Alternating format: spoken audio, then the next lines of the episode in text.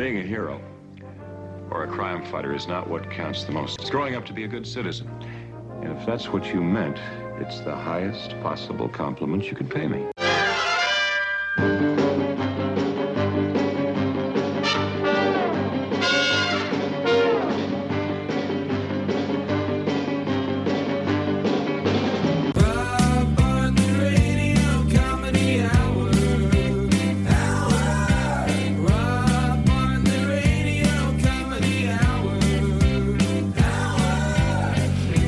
Welcome to the Rob Bartlett Radio Comedy Hour, boys and girls.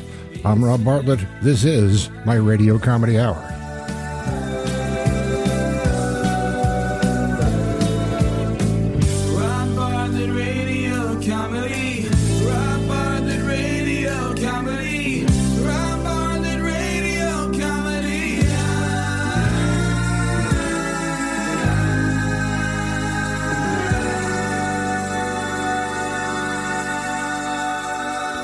Welcome, boys and girls. Season 3, Episode 13, the Superhero episode. But before we begin, some exciting news. The Rob Bartlett Holiday Extravaganza, featuring Sal Salmonella's Night Before Christmas in Brooklyn, will be at the Seven Angels Theater, Waterbury, Connecticut, December 28th. That's the Saturday between Christmas and New Year's. And wouldn't that make a great Christmas or Hanukkah gift? Call 203 757 4676. 203 757 4676. I don't know why I repeated it. You can just always rewind and write it down. Anyway, that's what you call for tickets. And put them under the tree and know that you've given the best gift of all the gift of laughter. Seven Angels Theater, Waterbury, Connecticut, December 28th. And if you want more information, go to the Rob Bartlett Radio Comedy Hour Facebook page or follow us on Twitter at The Robio, on Instagram, Rob Bartlett Radio Comedy, and you can always email us at Robio Radio Comedy Hour at gmail.com. December 28th, Seven Angels Theater. Give mom and dad a night out, and this holiday season, you will be a superhero. See what I did there? They don't call me king of the segues for nothing. Superheroes. As we record this episode of the Rob Bartlett Radio Comedy Hour, Disney Plus has begun streaming, which means that all the Marvel Cinematic Universe movies are now available all in one place. HBO has a new series based on what is generally considered to be the greatest graphic novel of all time, a dark, dark, dark comic book called Watchmen. Avengers Endgame made $2.8 bi- bi- bi- billion dollars at the box office. Who are you supposed to be? Um, Captain America. I am Iron Man. Call it, Captain. All right, listen up. Barton, I want you on that roof, eyes on everything. Call out patterns and strays. Stark, you got the perimeter. Anything gets more than three blocks out, you turn it back or you turn it to ash. Thor, you gotta try and bottleneck that portal. Slow him down. You got the lightning. Light the bastards up. And Hulk. Smash. So it's safe to say that this year's superheroes are the shit. But Captain America and Iron Man and the Hulk and Thor and Black Panther and Black Widow and all the other heroes in the MCU and DC and every other comic book hero franchise from Wonder Woman to Captain Marvel, they wouldn't have gotten to where they are if it weren't for two characters, Superman and Batman. But the Man of Steel and the Cape Crusader weren't the first superheroes. Oh, no, no. The first superhero was in a newspaper comic strip at the turn of the 20th century. He was called Hugo Hercules, a good natured man endowed with superhuman strength who wandered around town helping people with their problems and shocking them with his surprising displays of power. Hugo was so strong he could pick up an elephant, kick a house like a football, wield an artillery cannon like a handgun, and lift a locomotive engine off the tracks, and then pull its cargo behind him at train speeds. Despite all that, the strip was not that great a success. And the guy, you know, the author artist who created it eventually left comics to become a painter, which is like, you know, using your philosophy degree to teach. In 1905, there was a novel called The Scarlet Pimpernel, who had a secret identity, Sir Percy Blakeney. And during the French Revolution, he was an English swordsman who rescued people from the guillotine and would leave a flower a Scarlet Pimpernel behind him. The- another swordsman, uh, this one Mexican, Zorro, he debuted in 1919. Uh, Spaceman Buck Rogers originated in 1929. The Shadow, 1933. Flash Gordon, 1934. But in 1938, two Jewish high school friends, Jerry Siegel and Joe Shuster, created Superman, which changed the landscape and the game. 81 years later, they're still trying to get a definitive movie and TV version of Superman. When I mean, when you get to thinking about it, you're not going to get any better than George Reeves and Christopher Reeve, Brandon Routh and Henry Cavill. Please. There's also a famous story, um, the Tim Burton version of Superman, which was supposed to star. Are you sitting down? Nicolas Cage as the Man of Steel. You're being cynical, Rob. To err is human. There's even a documentary about how batshit crazy this project was. Uh, It's called The Death of Superman Lives What Happened. You can find pictures on the internet of Cage in the Superman suit. He's got this long hair, which makes him look like Loki. The movie got pretty far along in the process. There uh, was a script by Kevin Smith, which featured a giant robot spider and Brainiac and a skull ship that absorbed everything it came upon, and of course, Nicolas Cage flying around doing battle. I'm actually sorry they didn't make this movie. It would have been a laugh riot. But holy miscast, Batman. There is no respect at all for the greatest superhero of all time. It's an infamia, uh, which culminated, by the way, in Batman versus Superman, where Soup gets his ass kicked by, of all people, Ben Affleck. Ben fucking Affleck, the single worst Batman ever, which is saying something when you consider the Cape Crusader was also played by Val Kilmer. Even George Clooney was a better Batman than Ben fucking Affleck. Gosh, when you put it that way, Batman, how can I help but agree?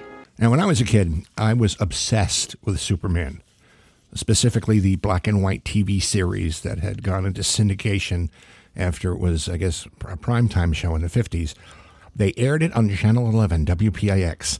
They aired it in the morning, and I used to watch it before leaving for kindergarten in the early afternoon. And then the second half of the year, when kindergarten changed to the early session, it, it was the first time I threw a temper tantrum because it aired while I was at school. Even with the best intentions, it's hard to change a lifetime of habit. You know, in many ways, that trauma, I think, was responsible for me eventually going into comedy because comedians all have to have something horrible in their childhoods to make them want to get up on stage in front of strangers to seek approval. Thanks to you, Superman. Later, when I was in second grade, I found out that George Reeves, the guy who played Superman on the TV show, had died from a self inflicted gunshot wound. Um, I guess sadly, George wasn't really bulletproof. Oh, too soon? Holy understatements, Batman. And there's a lot of mystery surrounding this tragic event, apparently, a lot of conspiracy theories, which are kind of dealt with in a movie called Hollywoodland, where George Reeves is played by. really? Yeah. Ben fucking Affleck. Precisely, Robin. But when Batman debuted in January 1966, the fourth grade Robio lost his fucking mind. It was the greatest thing that had ever happened to me in my life up until that point. Now, I was too young at the time to realize it was done tongue in cheek campy, or that the pop art style it used was directly copped from none other than, you ready for this? The Beatles. The movie Help had been released the year before, and when you watch both of them back to back, you can see the influence of director Richard Lester's style right from the get go in the pilot of Batman. Batman had started in Detective Comics in 1939, a year after Superman, and he worked solo until Robin the Boy Wonder appeared in 1940, which was the first evidence of homoeroticism in the comics. Years later, when it came time to make it a TV series, this awkward situation was addressed by adding Aunt Harriet, a character not found in the comics, um, but it was done so that Bruce Wayne and his young ward Dick Grayson and elderly butler Alfred weren't living alone together in stately Wayne Mansion. where the suspicions were that there was some kinky threesome action going on with capes and cowls and utility belts with those bulges in the leotards. The size of the package, Alfred, is in no way any indication of the value of its contents. Now, taking the lead of the James Bond franchise, which was huge by 1966, Goldfinger had come out in 1965, and 1966 was Thunderball. It was at its peak in 1966. Uh, so, of course, Batman had to have an array of gadgets just like James Bond. Batman, of course, was his own Q section. He apparently invented and built all these inventions himself. When dealing with powerful criminal elements, one can never be too well prepared. Hand me down the shark repellent bat spray. Now hand me the special exploding batarang. I'll cut us free with my bat knife. My special bat inverser. The bat radar. The bat photoscope. Anti-eavesdrop bat plug. Bat chemical analyzer. Bat X-ray deflector in my utility belt. A precious metals bat analyzer. Bat jets. The bat springs. Now. The bat Geiger counter. Our bulletproof bat shield. You have your bat sound amplifier with you? If I can just break this wire and make contact with a transistorized shortwave bat transmitter in my utility belt. What are those, Batman? Merely the bat spectrograph criminal analyzer. Giant hydraulic bat press. Robin and I have been wearing anti-short circuiting brain bat electrodes. We're wearing our particle bat accelerator unit. The super thermalized bat skivvies. Insulated bat clippers. Bat thermal underwear. Have a whiff of bat gas. I took a universal bat antidote before you administered that. This time we took our counter hypnosis bat pellets from our bat capsule dispensary. I took the precaution of coating the limousine's tires with an infrared bat dust. Slowly reach for the heel and toe bat rocket controls in your utility belt. Sure good thing you brought that empty alphabet soup bat container. The right tool for the right job. More than a century after Hugo Hercules, comic book superheroes have become big business. Comic Con sell out all over the world, where tens of thousands of fans dress up and walk around attending panels, where studios showcase their latest releases, and buy merch, and spend a hundred bucks to take a picture with a guy whose father played Inspector Henderson on the original Superman TV show. I played the fifth. You could say, and you knew I'd find a way to get another Beatles mention in here. John Lennon's quote about the Beatles being bigger than Jesus could apply here. I mean, these days, superheroes have really become bigger than Jesus. Although when you get to thinking about it, Jesus was really the first superhero. In fact, Superman and Jesus have a lot in common. Both were visitors to this planet. Superman from Krypton, Jesus from heaven. Both could do miracles. Superman could fly, Jesus could walk on water. Jesus could raise the dead, Superman could melt steel with his heat vision. They both traveled around helping people, and they were both murdered. Jesus by Pontius Pilate, and Superman by Ben fucking Affleck. Our job is finished.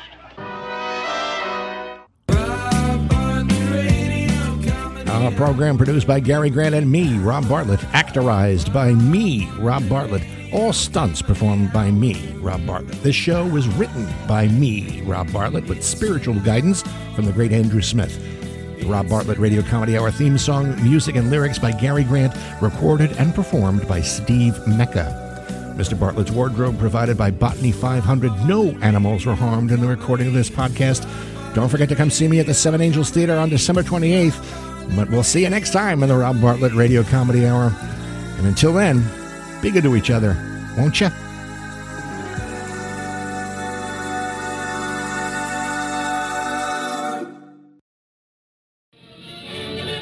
A speeding bullet,